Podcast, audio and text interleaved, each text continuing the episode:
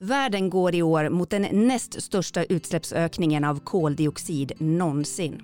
Om trenden håller i sig kommer ökningen av koldioxid i atmosfären vara 4% bara i år. Vi har just nu de högsta koldioxidnivåerna på åtminstone 800 000 år. IPCC konstaterade i sin rapport att världen redan har nått en punkt där extremväder blir allt vanligare och att klimatkrisen faktiskt är här. Vi måste agera nu. Och dagligen kommer nya rapporter om konsekvenserna. Översvämningar, stormar, värmeböljor, skogsbränder och elavbrott. Elpriserna skjuter i höjden och spås bli rekorddyra i vinter. Och även maten riskeras bli dyrare. Mycket görs och utvecklingen inom förnyelsebar energi går snabbt framåt men inte i närheten så snabbt som det behövs för att klara 1,5-gradersmålet eller ens 2 grader. Och det är lätt att bli paralyserad, att känna klimatångest och uppgivenhet. Är allt vi försöker göra förgäves? Och vad kan vi egentligen göra? Vi vanliga dödliga, du och jag. Vi som inte sitter på de tunga politiska besluten eller de gigantiska plånböckerna. I dagens avsnitt ska vi prata om det här. Vi ska prata om flera av de tunga nyheter som har nått oss den senaste tiden och vi ska se om vi på något sätt kan bena ut vilken roll vi har i den här krisen. Jag heter Elin Leijonberg och det här är Klimatekot.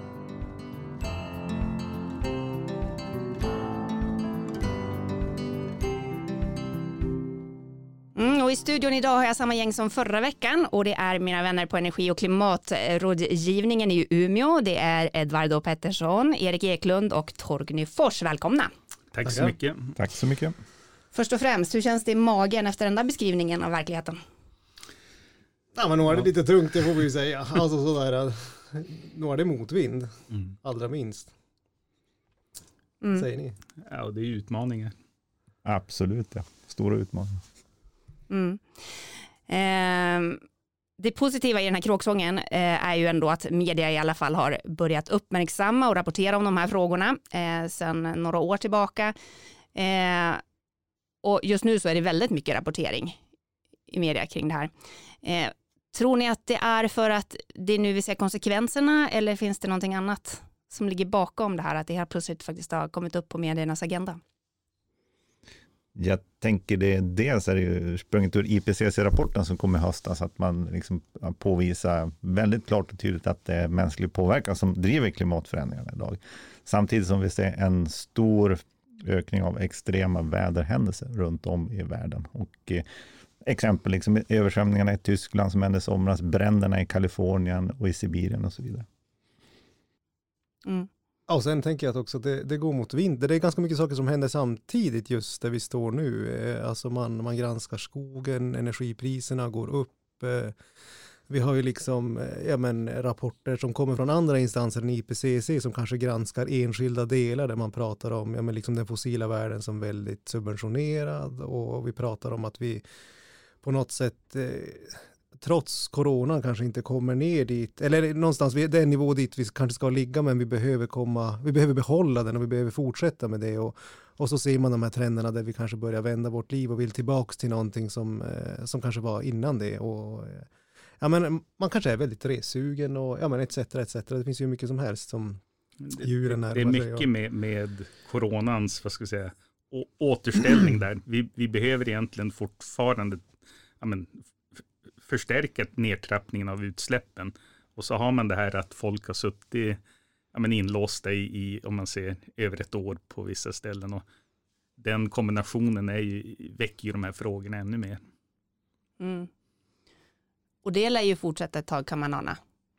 Att Ja. människor lär fortsätta vara sugna på att liksom leva sina liv. som man har Ja, och, och så är det ju dubbla budskap också för att det, det är ju ganska starkt budskap som, som kommer att ja, nu, nu går vi tillbaka till det normala finns ju fortfarande även om rösterna höjs ju för att ja, men det, här, det här kan ju vara en början på en, på en riktig omställning men det, det, är, det är tunga röster som säger att ja, men nu, nu, nu är vi tillbaka igen helt enkelt.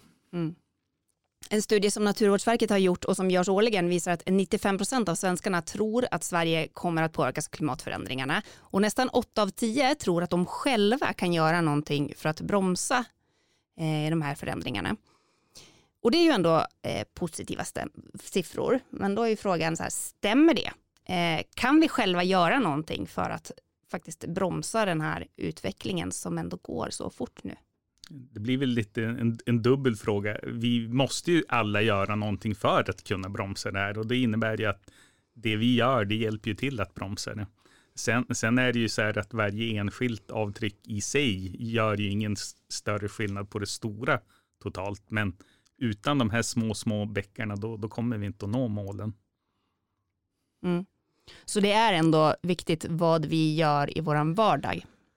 Jag tänker ändå någonstans att vi ska belysa det här som, jag vet att vi tre har pratat lite om det här med det personliga ansvaret som en avledningsmanöver och en strategi också från multinationella rörelser och krafter som kanske på något sätt la ansvaret en gång i tiden på medborgarna och hävdade att det är det här det ligger och nu börjar man också ha bevis för att mycket av det vi ser idag är, är kanske också det är inte så, alltså för oss kanske som möter det i, i tv och media, om vi säger att, jag, jag, skulle nästan vilja säga att någonstans 2010 då började det synas ganska mycket mer i SVT, där innan är det inte en fråga, men det betyder ju inte att det liksom var då det började, det är ju 30 år bakåt man har känt till det.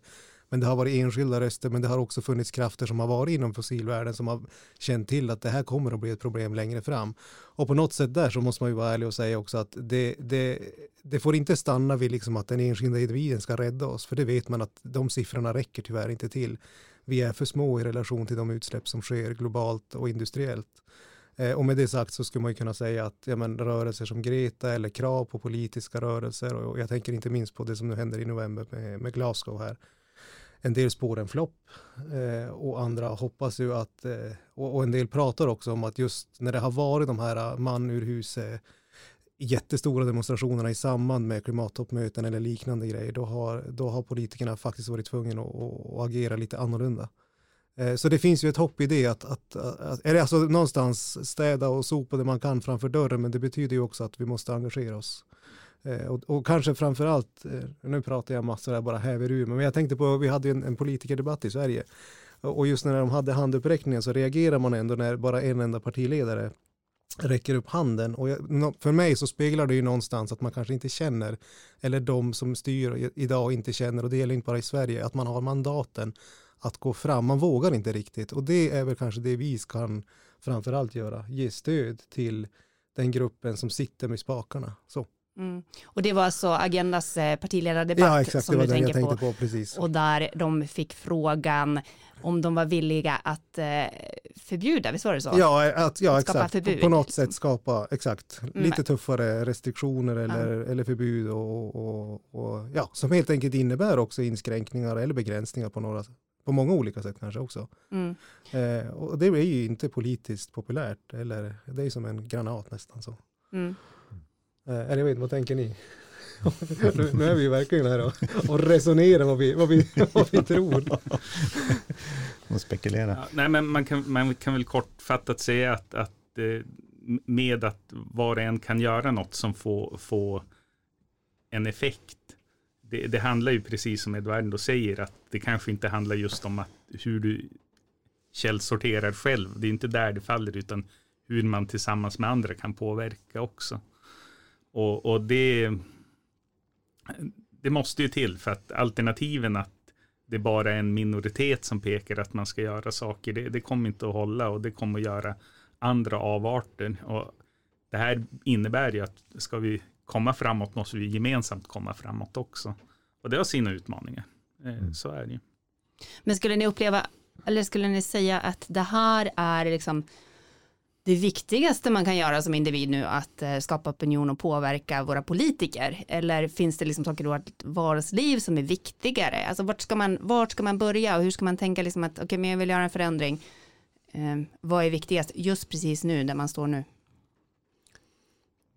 Bra fråga, men jag tänker det är väl både och. Alltså man kan göra saker själv, konkreta saker, investera i sitt hem eller ja, minska sin eh, konsumtion eller liknande, dra ner på sitt liv lite grann så.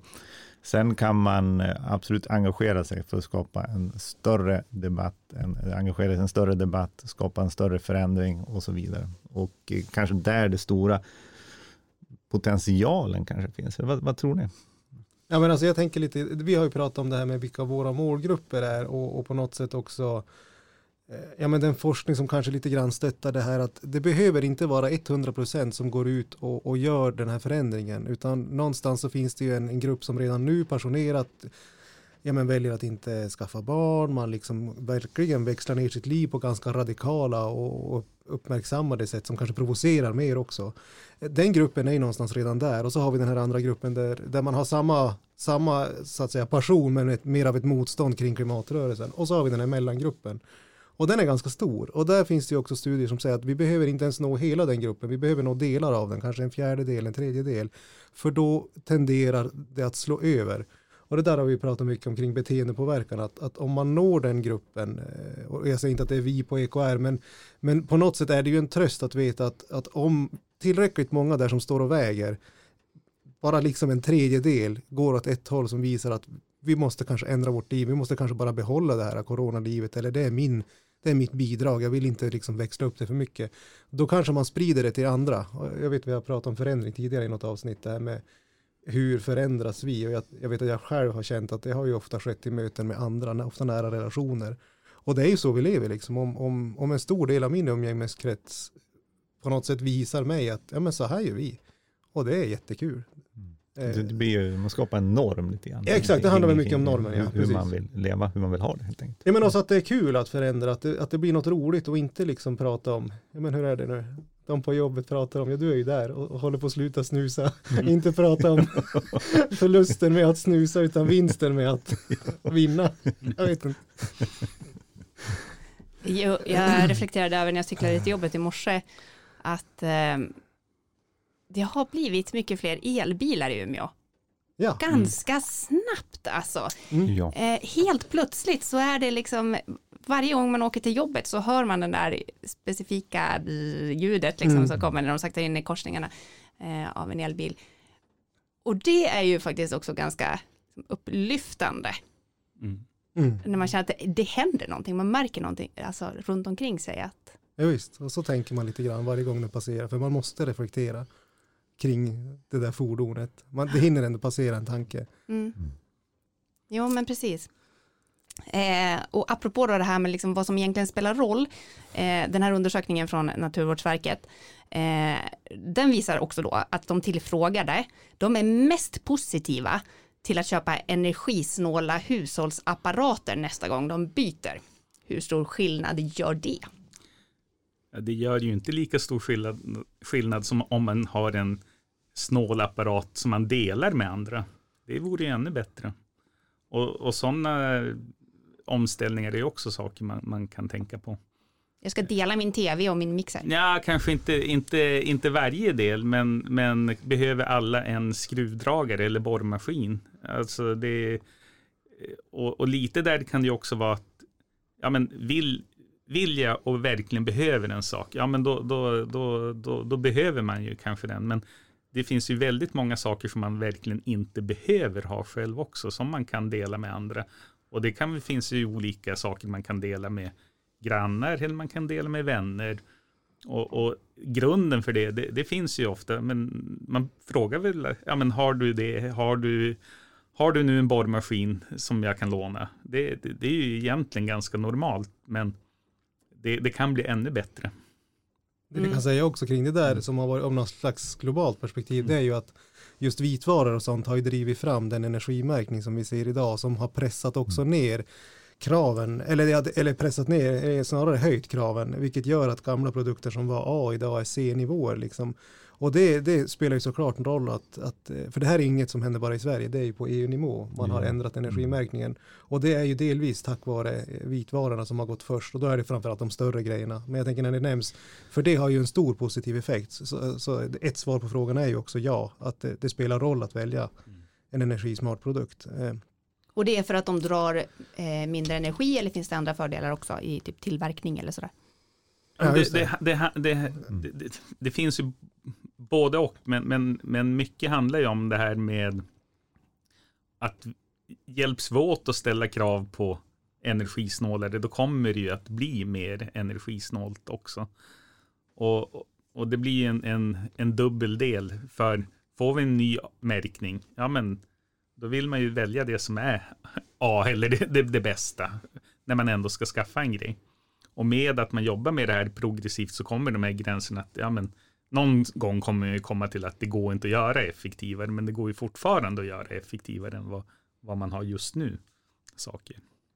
Men lite grann kan man väl säga också att det saknas ju andra styrmedel Mm. kring, alltså Alltså vi är ju duktiga kanske ändå på att ta tillbaka metaller och sådär, men det är ju mycket av elektronikvarorna som också uppenbart hamnar på, på någon slags deposition eller, eller skrotas eller liknande och, och, och just nu har vi jag menar jag höll på att säga stöldligor som gör allt för att plocka, alltså platina är mer värt än guld, så man, man plockar katalysatorer. På något sätt så visar det liksom att det finns ett behov av att, att resursåtervinna. Och jag tänker att där finns ju krav att ställa både vilka, vilka får repa de här maskinerna, vilka får, alltså att det, det inte blir liksom copyright in absurdum på något sätt, att, att man eh, har kvar en möjlighet att, att, eh, att låta en bra produkt fortfarande leva trots en, en skada eller liknande så att man inte måste bara kassera den för att den är, den är byggd för att kasseras. Eh, Den ska ta slut vid ett visst år och så vidare och så vidare för då är vi ju inne i fel hjul. Så.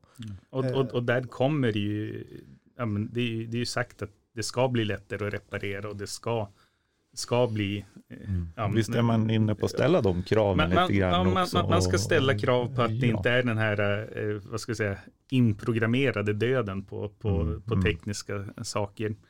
planerad livslängd. Och sen det här med energimärkning är mer för produktens användande. Så att vi konsumenter ska veta vad kommer den här produkten att kosta mig i form av energianvändning. Men också vad ger den för ljudnivå?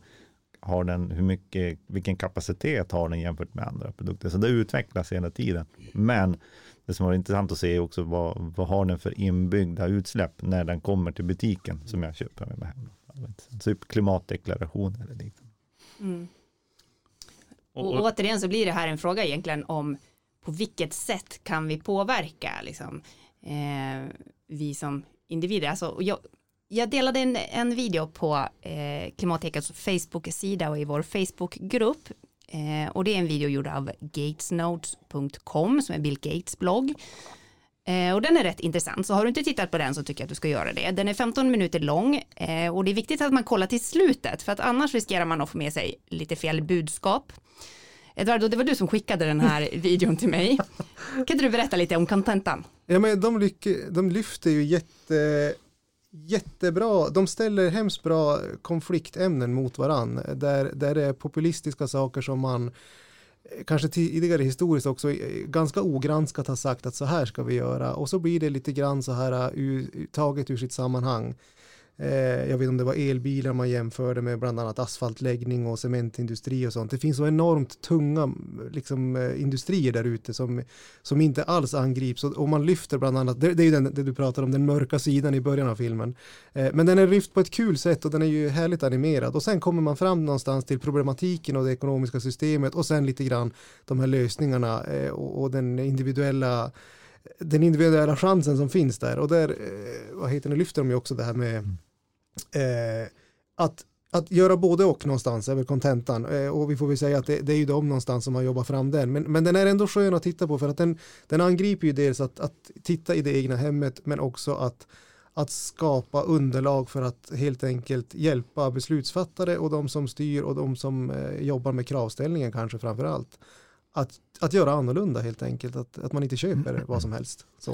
Och för, för att komplettera, det, det man verkligen lyfter fram med den här filmen tycker jag är att man tittar, vad är problemet? Man jobbar väldigt mycket Ja. med att identifiera problemet. Vad är klimatförändringen?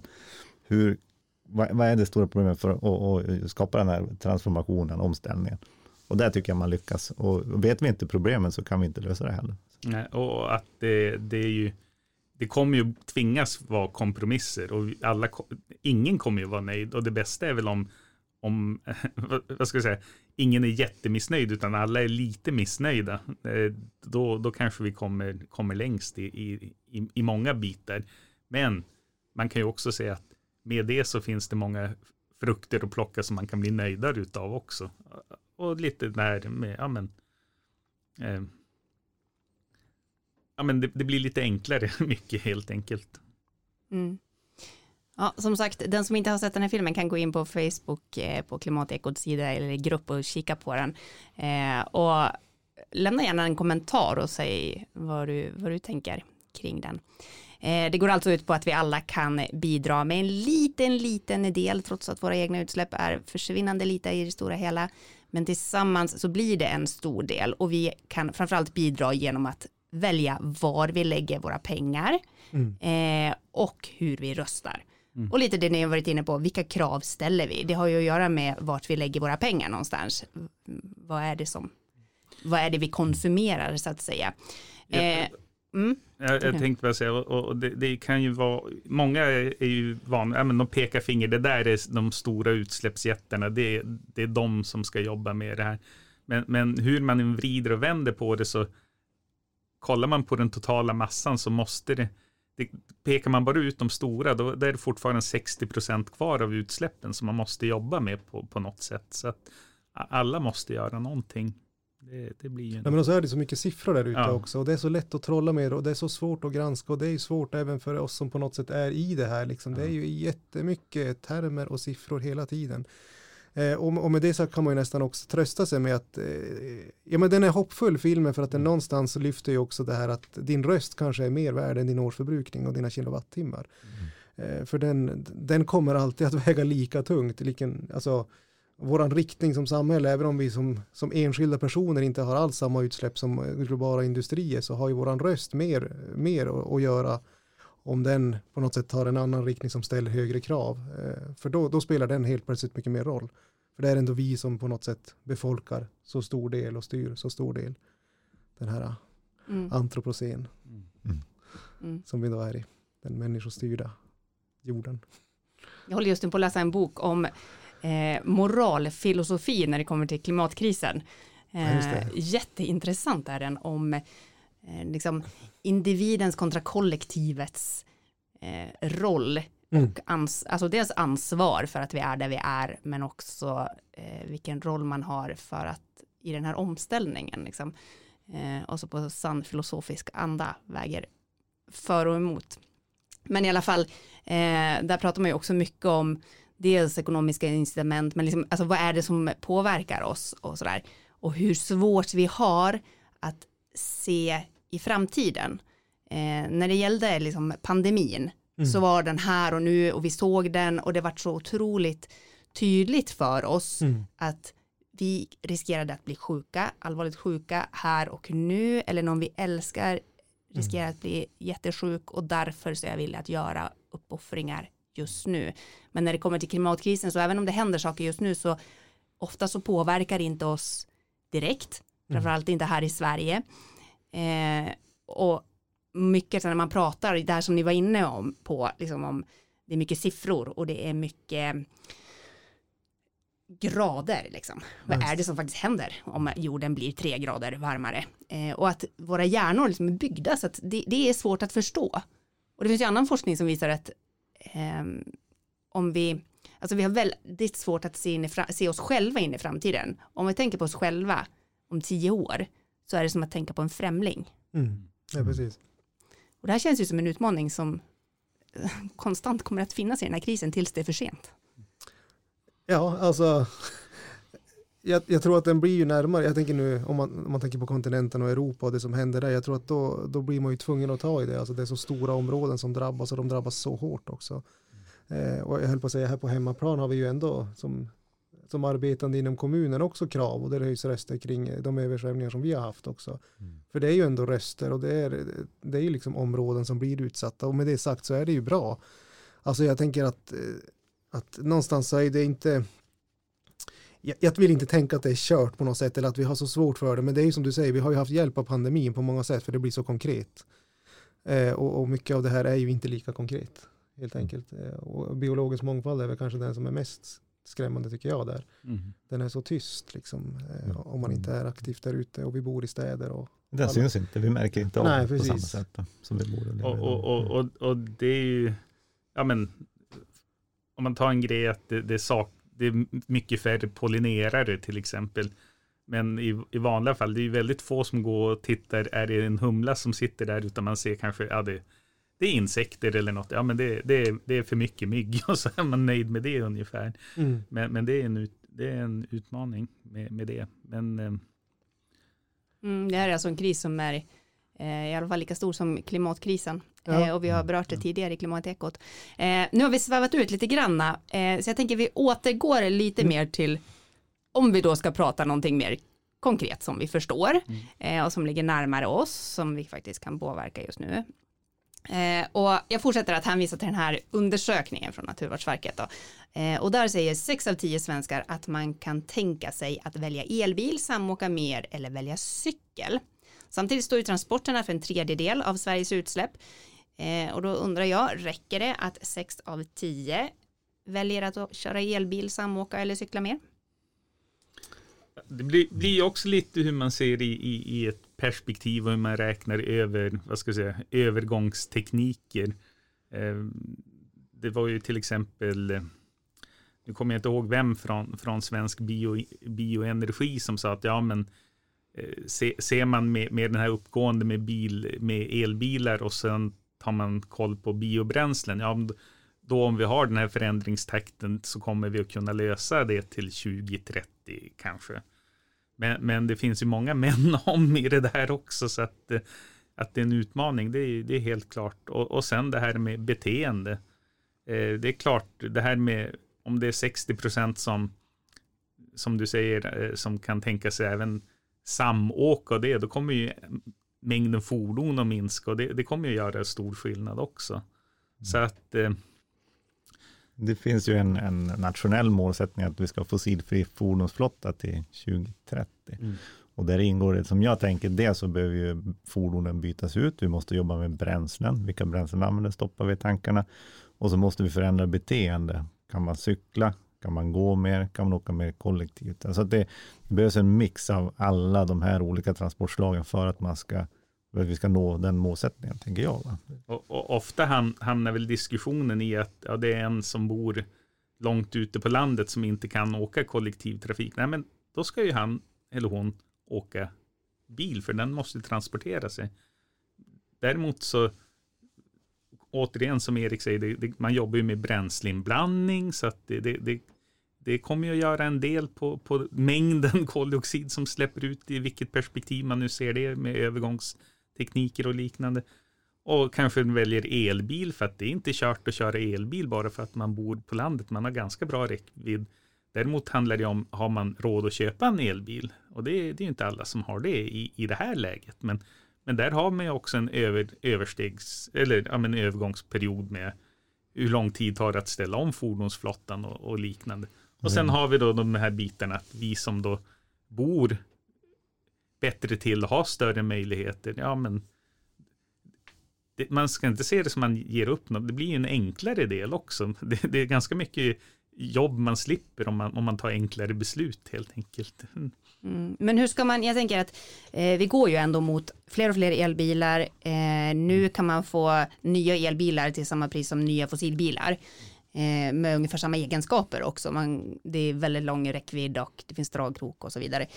Eh, och när de här då kommer ut på andrahandsmarknaden och vi liksom har börjat ställa om fordonsflottan och det blir mer möjligt för gemene man att, att faktiskt ha en elbil, vi har laddstrukturen och så vidare.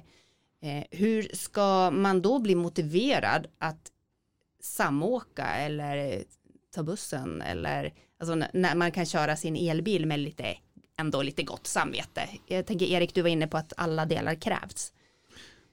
Ja, bra, bra fråga. Jag sitter och funderar. Dels är det ju att, att skifta från en, en bränslebil till exempel till en elbil. Det är inte så stor uppoffring. Det är väldigt ganska enkel åtgärd att göra samtidigt som det minskar de koldioxidutsläppen väldigt mycket. Och det leder ju i sin tur att köra en, en bensinbil eller dieselbil idag kostar väldigt mycket pengar. Speciellt om man tittar på bränslepriserna. Nu dieseln ligger över 19 kronor litern och klart då börjar det bli intressant också att, att samåka på ett annat sätt. Va? Det, alltså det kostnad, om man tittar på kostnaderna, kör du en elbil så är det betydligt billigare, så kanske minskar incitamenten till att faktiskt åka tillsammans. Bilen är dock dyrare, så har man möjlighet att gå ihop ett gäng och dela på en elbil och samnyttja elbilen så är det en, en, en, en väldigt bra lösning som, som man skulle kunna göra till exempel i en bostadsrättsförening eller i en eh, villaområde, hur man nu vill lägga upp det. Mm. Jag sitter och tänker på en grej som, det är du framförallt Erik som sitter och jobbar med de här grejerna, men det är ju en del i den nya färdplanen och Umeå är ju inte unikt där. Det är ju många kommuner som jobbar med att någonstans hitta hitta en väg till ett nytt samhälle och det kommer så himla mycket in där att, att att börja med att någonstans kvantifiera det här, för annars blir det bara ett löst snack kring att folk skaffar elbilar liksom, och, och, och då, då, händer det ingenting, det är svårt att ta ett strategiskt beslut utifrån det. Då blir det nästan att man bara sitter och säger att det, det kommer att lösa sig själv. Utan det vi bland annat gör det att någonstans se, men hur, hur har utvecklingen sett ut hittills och vad kan man göra liksom prognostiseringar, för det är någonstans ändå det vi måste göra. Mm. Inom ett tioårsfönster måste ganska tuffa beslut ta och då måste man göra en gissning det, det, finns, alltså man gör det utifrån ett bra underlag, men, men vissa saker finns det inte underlag på. Då måste man liksom göra någon slags bedömning av Potentialbedömning. Du är inne på någonting just där med om man tittar på hela privattransportsektorn. Alla, och idag drivs det mycket av biltrafik. Men om man då vill, jag menar, vi har ju nu börjat jobba mer och mer hemma också och eh, mycket av bilismen också med de transporter vi har, det är behovet att ta sig till och från jobbet. Så kan vi hålla i den effekten av pandemin och, och liksom jobba mer hemma så ser vi genast en besparing där också.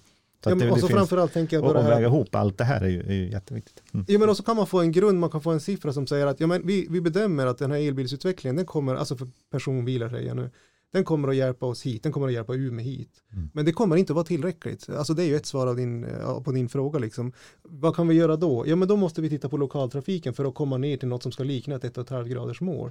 Och när inte den räcker då måste vi jobba med cykelvägar och då blir det ju ett dokument som ger ett underlag för att det här fattas och det här saknas i, i, i liksom stadens struktur. Och då blir det möjlighet att liksom på något sätt ha kvantifierat ett värde och sagt att det här behövs för att vi ska nå dit. Gör vi inte det här, då når vi inte dit. Och det är en kvalificerad gissning. Men det är åtminstone ett underlag för att ta ett politiskt beslut kring. Mm. Och kommer man sen ganska nära den bilden, då är ju någonstans ett hopp också att den här gruppen och det vi pratar om slår över. För då får man det här beteendet av att folk ser elbilar i staden. Och man, det kanske också handlar lite grann om, tänker jag, vilka arenor vi har att, att, att få det här till oss. Mm. Mm. Alltså det här med samåkandet, det känns som att det är någonting vi har, har snarare gått ur. Eh, I vilka arenor har jag själv i byn där jag bor liksom kring samåkning och sånt. Det, det tror jag är någonting som, som man behöver prata mer om också. Men, mm. det, men det är nästan en Speciellt när man genomgått en pandemi kanske man inte vill sätta sig i bilen med vilken som helst heller. Det är också en, Nej, var... och kollektivtrafiken mm. har ju också eh, lite motigt att jobba med det just, just i den här tiden också. Men det, det du är inne på att det något väldigt intressant, just, och det är något vi jobbar nu med tillsammans med, med ett litet projekt i, på kommunen och titta på om man gör en omställning av en sektor. Liksom vad, det krävs ju investeringar för att göra det. Dels behöver man bygga ut laddinfrastruktur, man kanske behöver utveckla kollektivtrafiken och så vidare. Men de som måste ta den investeringen kanske inte är de som gör förtjänst på den heller direkt, utan här måste man se göra någon typ av return on investment, alltså en kalkyl för att visa, okej, okay, hur, hur, ser samhällsnyttan ut om vi gör den här omställningen? Och, och, vi håller på att titta på det här på kommunen också tillsammans med, med, med RISE och, och Climate och se vad, vad, är det vi, vad kan vi få fram av det här och vilka behöver då kanske samlas kring en investering eller liknande och se. Så man får ju, många kan vinna på det helt enkelt. Mm. Och vi har ju inte, det är ju inte bara privat eh, transporter mm. som är ett stort problem utan det är ju även de tunga transporterna. Mm. Eh, och där behöver vi väl också ta oss en titt tänker jag på för det, det har ju bland annat att göra med vårt konsumtionsmönster. Hur mycket saker som fraktas där ute på vägarna. Hur tänker ni kring det? Och jag ja. tycker inte, ja, nej, vill du köra eller? Nej, alltså, det, det, är det är mycket som fraktas och det finns ju mycket att göra både med samordning. Jag hörde att eh, på, på eh, var det Sörfors, eller ja, vissa byar har ju gått ihop med, med affärer för att få ja, men samordnad utkörning av livsmedel och sånt. Och det är jättekul att höra att det är sådana saker som, som är på gång. Mm. Och, men, men, men hela den här, ja men hur, hur kan man nyttja transporter? Ja, mycket har ju pratats om till exempel sopor som körs mellan Umeå och Skellefteå åt olika håll beroende på om det ska förbrännas eller om det ska komposteras eller om det ska göras biogas utav och sånt. Ja, men då kan man ju nyttja dubbla transporter. Och, eh, jag tror att det finns mycket kvar att göra på det området fortfarande också med, med hur man kan, kan få det. Men det är de här onödiga transporterna, saker som går fram och åter som, som tyvärr har tenderat att, att öka en del, inte minst med, med e-handel också, där saker mm. bara far fram och åter tre, fyra gånger innan, innan det hamnar hos rätt konsument då, helt enkelt. Ja, och vi har ju ändå skapat oss ett beteendemönster där vi istället för att gå och prova saker i affären och välja rätt storlek och se om det passar eller inte, beställer hem på nätet, får det hemkört, eh, inser att den här passade inte mig, skickar tillbaka den, får en ny och mm. så vidare. Hur tänker ni kring liksom, vårt beteende? För det här är också någonting som bara ökar liksom, med näthandeln. Nej, men jag, tänk, jag tänker just på det här för att eh, som vän av ordning så blir det så himla lätt också att vi pratar om tekniska lösningar och den tunga transporten. Det görs ju väldigt mycket eh, undersökande utvecklingsarbete där får man ju säga kring alternativa bränslen och vilka som kan äh, som fixa förhållandena på äh, ja, men för de förutsättningar som är för en tung lastbil i kallt klimat och så vidare och så vidare. Eh, och någonstans så får man inte glömma liksom att det handlar ju också om att växla ner och det är lite tabu att prata nästan om det också och i, i, på det stora beslutande organet som vi har i alla länder så är det ingen som vill säga att vi, vi måste minska. Alltså en del av energieffektiviseringen handlar ju om att gå ner.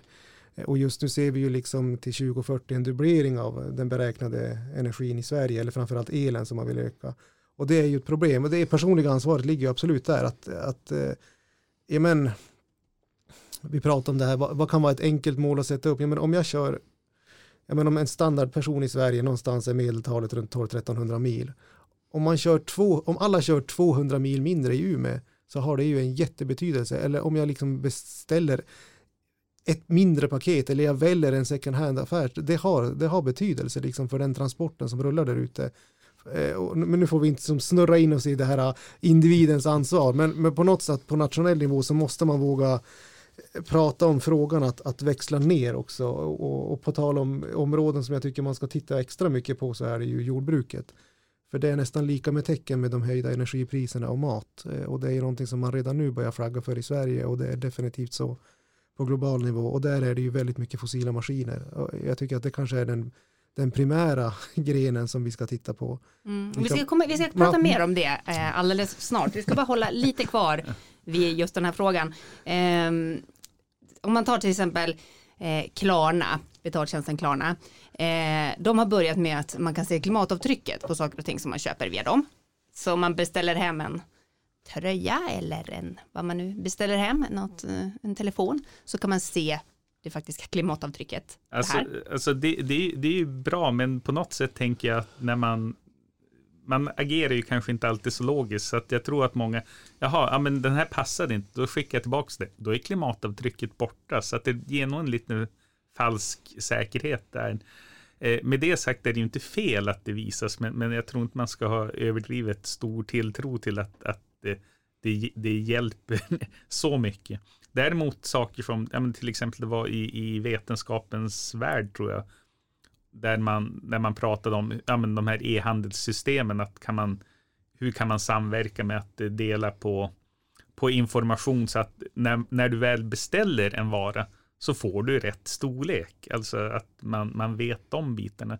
Det, det tycker jag är ganska intressant för att får man, får man bort det här att man skickar i alla fall kläder som inte passar, då, då kommer ju en hel del av returerna försvinna och då, då, då minskar man ju mängden transporter eh, rätt rejält. Det där har vi också pratat om, liksom vilka konkreta åtgärder du kan göra som individ om du då, om du då gör någonting och vill mm. kompensera för det, vilka kompensationsåtgärder kan du göra för att ha ett liv i himlen eller jag får säga. Men, ja, men sådär. Och där har ju många klimatforskare hävdat att det är utsläppsrätterna, vilket har varit en marknad som man har sagt att den har halvt om halvt havererat. Men att köper du utsläppsrätter, det är en av de få väldigt konkreta, sanktionerade och super in, alltså inarbetade strukturer där du faktiskt plockar bort en möjlighet att släppa ut hur mycket som helst. Och det är ju superintressant där vi sitter idag, för mm. idag är de rekordhöga och har skjutit i höjden. Och med det sagt så skulle jag ju kunna säga att om du som privatperson har möjlighet att köpa en utsläppsrätt och det finns ju möjligheter till det, då, då är det ett effektivt sätt liksom att begränsa en, en marknad av, av begränsningar, eller vad säga. Men alltså vad sa du nu, kan jag som privatperson köpa utsläppsrätter? Ja, det har funnits möjlighet, nu har jag inte hunnit kolla inför dagens avsnitt, men tidigare har det funnits möjlighet att i alla fall ta bort utsläppsrätter från en marknad mm. och det har funnits liksom digitala tjänster helt enkelt som, som gör att du köper en utsläppsrätt helt enkelt. Eh, och de har ju varit ganska billiga. Nu, nu, nu blir det ju verkligen idag, där vi sitter precis idag, är den ju dyr. Men, I förhållande det, till hur den har varit. I förhållande ja. till hur den har varit. Men, men det har varit en, en alltså för folk har, har, har, jobbat, eller man har som undrat, vad kan jag göra? Spelar det någon roll att plantera ett träd i skogen? Är det någon som ens sätter ut det här trädet? Eh, men just utsläppsrätter är liksom, det är så pass granskat och det är ett system som är inarbetat så man vet liksom att den har impact. För att det är så industrierna på något sätt ska hantera sina utsläpp.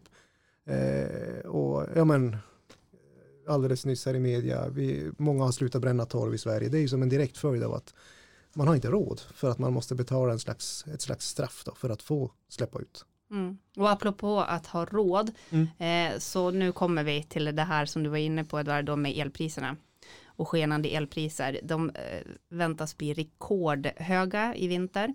Och EU-kommissionen, de är så oroliga så att man nu föreslår att EU ska gå in med bidrag till privata hushåll som inte klarar av eh, kostnaderna för el och uppvärmning.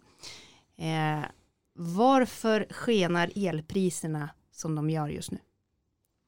Ja, vi kan Ja, väl... vi kan kombination. väl kombination av många olika anledningar. Vi kan väl börja här lokalt liksom och säga att hur vädret har varit, har blåst lite nu i höst och vi har haft en torr sommar, vilket gör att vattenmagasinen är lite mindre fyllda än vad de vanligtvis brukar vara. Och det driver ju upp elpriserna, absolut. Sen är ju, är ju hela Sveriges elmarknad och elsystem sammankopplat med den globala energimarknaden också, som också driver på priserna. Men vi ser ju nu höga gaspriser, vi ser höga oljepriser som driver varandra också. Och det här beror mycket på att man har ja, tomt i lagren. Nu pandemin håller på att ta slut, det är, är slut och eh, det, det, det, att de ekonomiska hjulen börjar snurra igen och man behöver mer energi helt enkelt och man har inte den kapaciteten, vilket gör då att eh, energipriserna ökar helt enkelt. Mm. Kommissionen konstaterar också att vi måste importera mycket mindre fossila bränslen till EU och att vi måste skynda på utvecklingen av fossil el inom EU. Eh, och nästa vecka så är det ett toppmöte där EUs stats och regeringschefer ska diskutera elpriserna och hur man ska lösa det här. Men jag tänker att samtidigt så är det ju väldigt dubbla budskap. På ena sidan så säger man att man måste skynda på utvecklingen av förnybar energi och sluta använda fossila bränslen.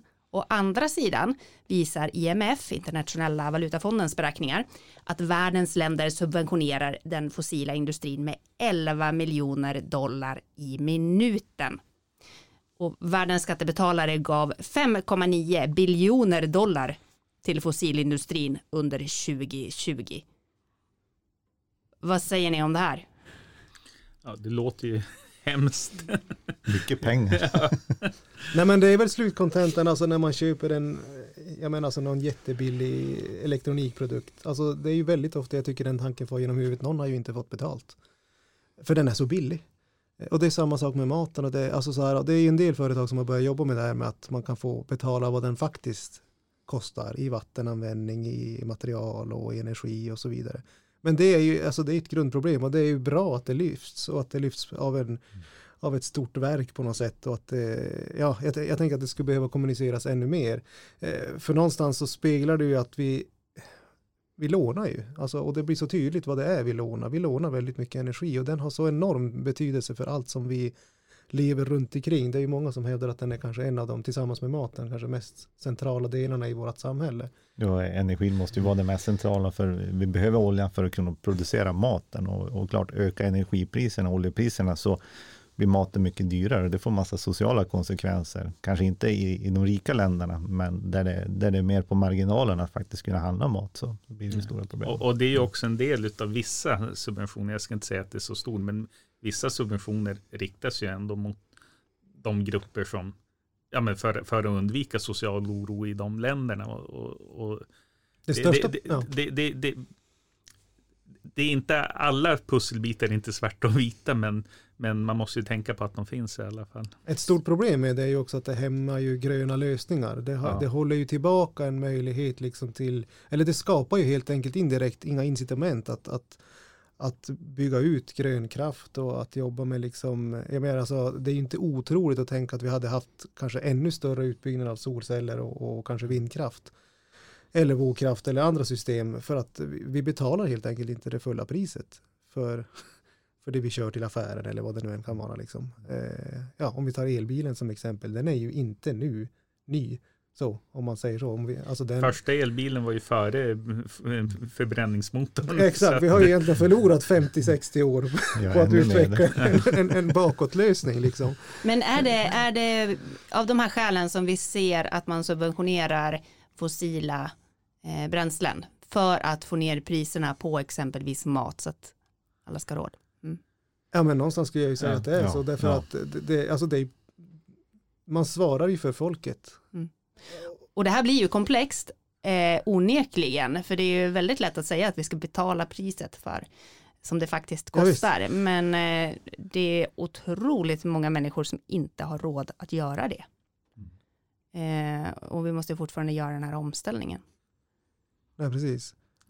Och, och, och samtidigt ser man ju på, i projekt i utvecklingsländer där man har gått in som Eduardo sa med solceller och liknande att, att man får en elektrifiering, man får en högre avkastning på, på, på det de odlar där för att de, de får en, en högre ja, men en högre teknisk status. Det handlar om, om ja, men ökad kunskaper kan spridas bättre. Man får tillgång till datorer och liknande där, där också. Så att, eh, det, det är som, lite som du sa, att, att, att det, det håller tillbaka utvecklingen med de här subventionerna. Men, men det är ju samtidigt en, en, det är en balansgång för många. Och, eh, många tror jag agerar lite mer Ja, vi- har det här akut, det här är en akut lösning, men den här akuta lösningen den har ju hållit på länge och man, man borde se, se att den här alternativa lösningen finns och det är där man ska satsa mer och mer pengar.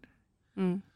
Nu när vi, vi är ju inne lite grann nu på liksom att försöka tolka debatten och tolka det som eh, sägs där ute, eh, vilket är inte, inte alltid är helt lätt eh, när man sitter och tittar. Alltså till exempel på eh, då partiledardebatten som var här senast, eh, så diskuterades det om elen och eh, där man rent av är oense om har vi ett underskott eller överskott av el i Sverige? Ja, Och, och, det, och det känns som en sån här grej, varför är man inte överens om ens den saken? Alltså, man, man kan väl börja med, man, med, man jämför äpplen och päron kanske. Det är det som är problemet. man kan väl börja med elsystemet som är byggt. Alltså, den, den el som produceras i Sverige nu, det är den som också används nu. Vi kan inte lagra elen, utan vi producerar och så använder vi den. Så därför, det är kanske där vi har den stora problematiken.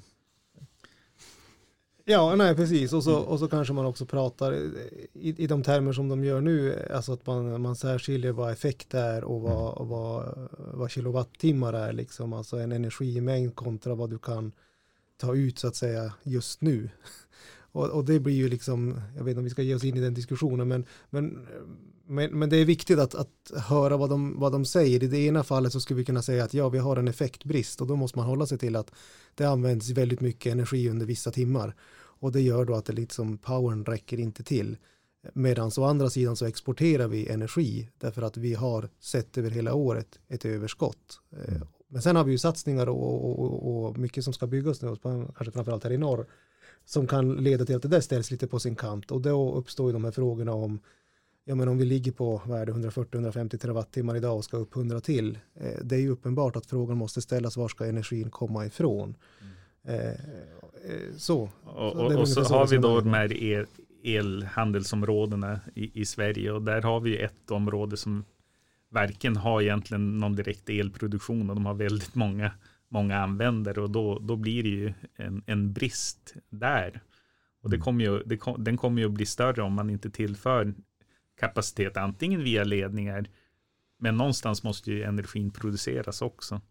Mm. Men jag eh, syftar tillbaka lite grann, det är Thomas Olofsson som gästade oss här för något avsnitt sedan, just det här med effekten, att man kan som privatperson liksom, ja, men, tänka på när man använder sin el eller när man använder sin värme i huset och liksom så, så det inte är under höglasttimmarna.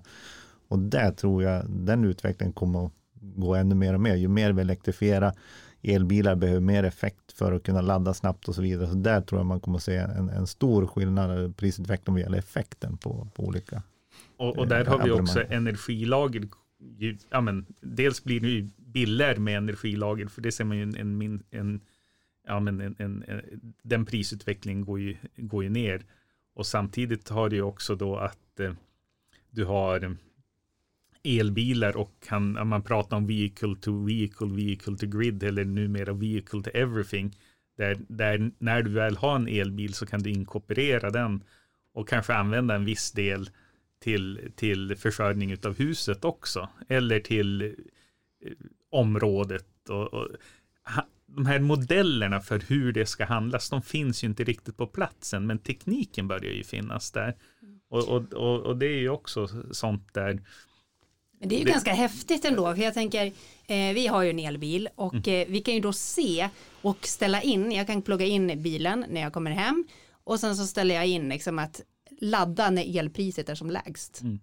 Förutsatt att jag inte behöver en laddad precis då, men jag kan ställa in liksom, ladda när det är som lägst, men den ska vara färdigladdad klockan åtta nästa morgon.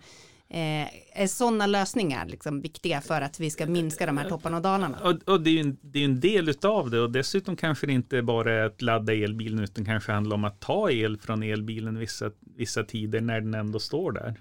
Just det. eh, och, och använda till något annat. Och, och det är klart, det kommer ju alltid finnas de, ja men jag vill ha min elbil helt fulltankad, precis som man vill ha sin bil helt fulltankad. Men å andra sidan kanske finns de som säger, jag behöver bara bilen halvtankad. Det andra kan vara en, en form av energilager, bank eller liknande som man kan, kan eh, ja, men, hjälpa till att stötta både för sin eget egen kostnad och, och även kanske till och med att man har ett avtal med elbolaget så att de kan använda och, och dra det.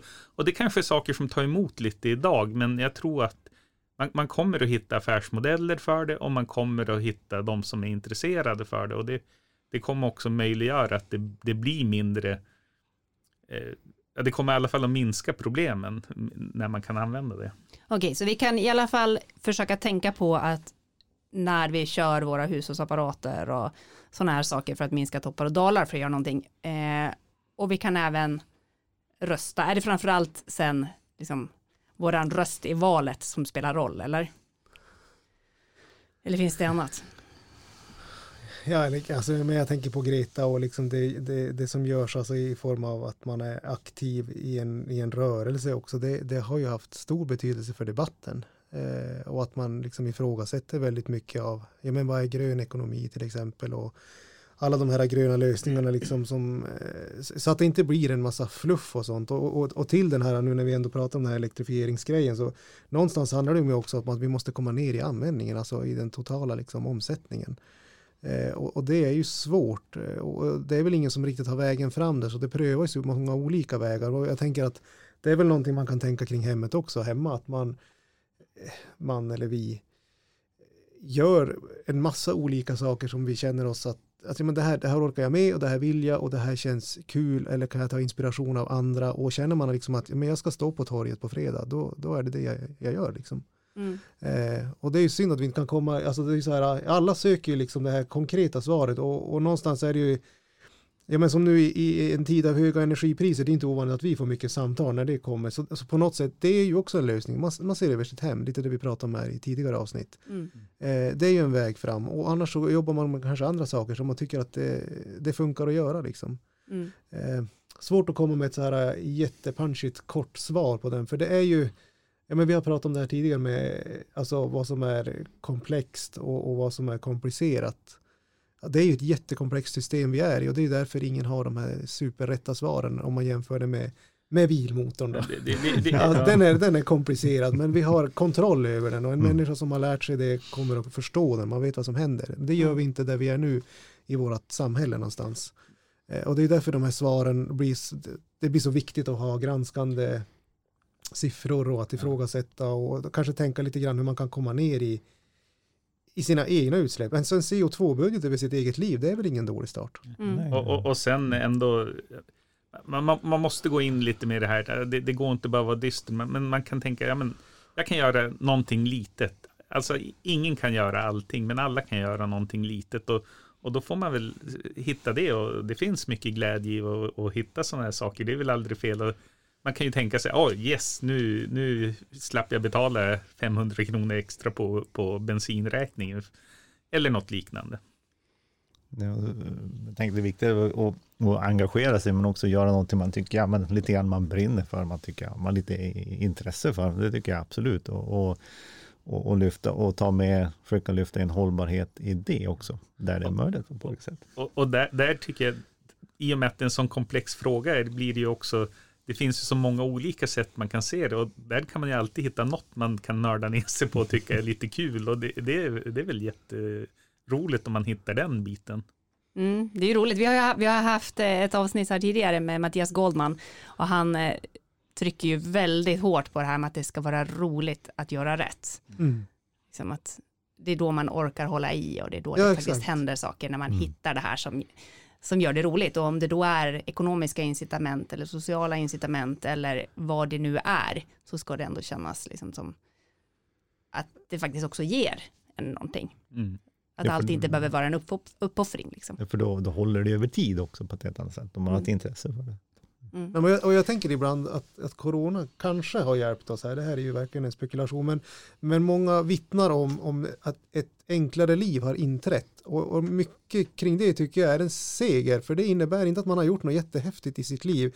Men man har växlat ner vissa saker. Man kanske har fått backa tillbaka. Man har sett att det går att göra så här. Man har vågat pröva andra strukturer i, i sin familj med sina små barn. Eller i den, i den del av livet där, ja, men där vi alla höll jag på att säga är. Eh, eller som sitter här i studion ska jag säga, vi alla.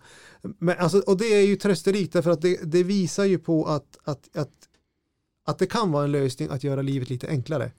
Eh, för ibland så tenderar vi ju liksom att jaga tekniska lösningar och det blir ju hemskt lätt att vi pratar om det.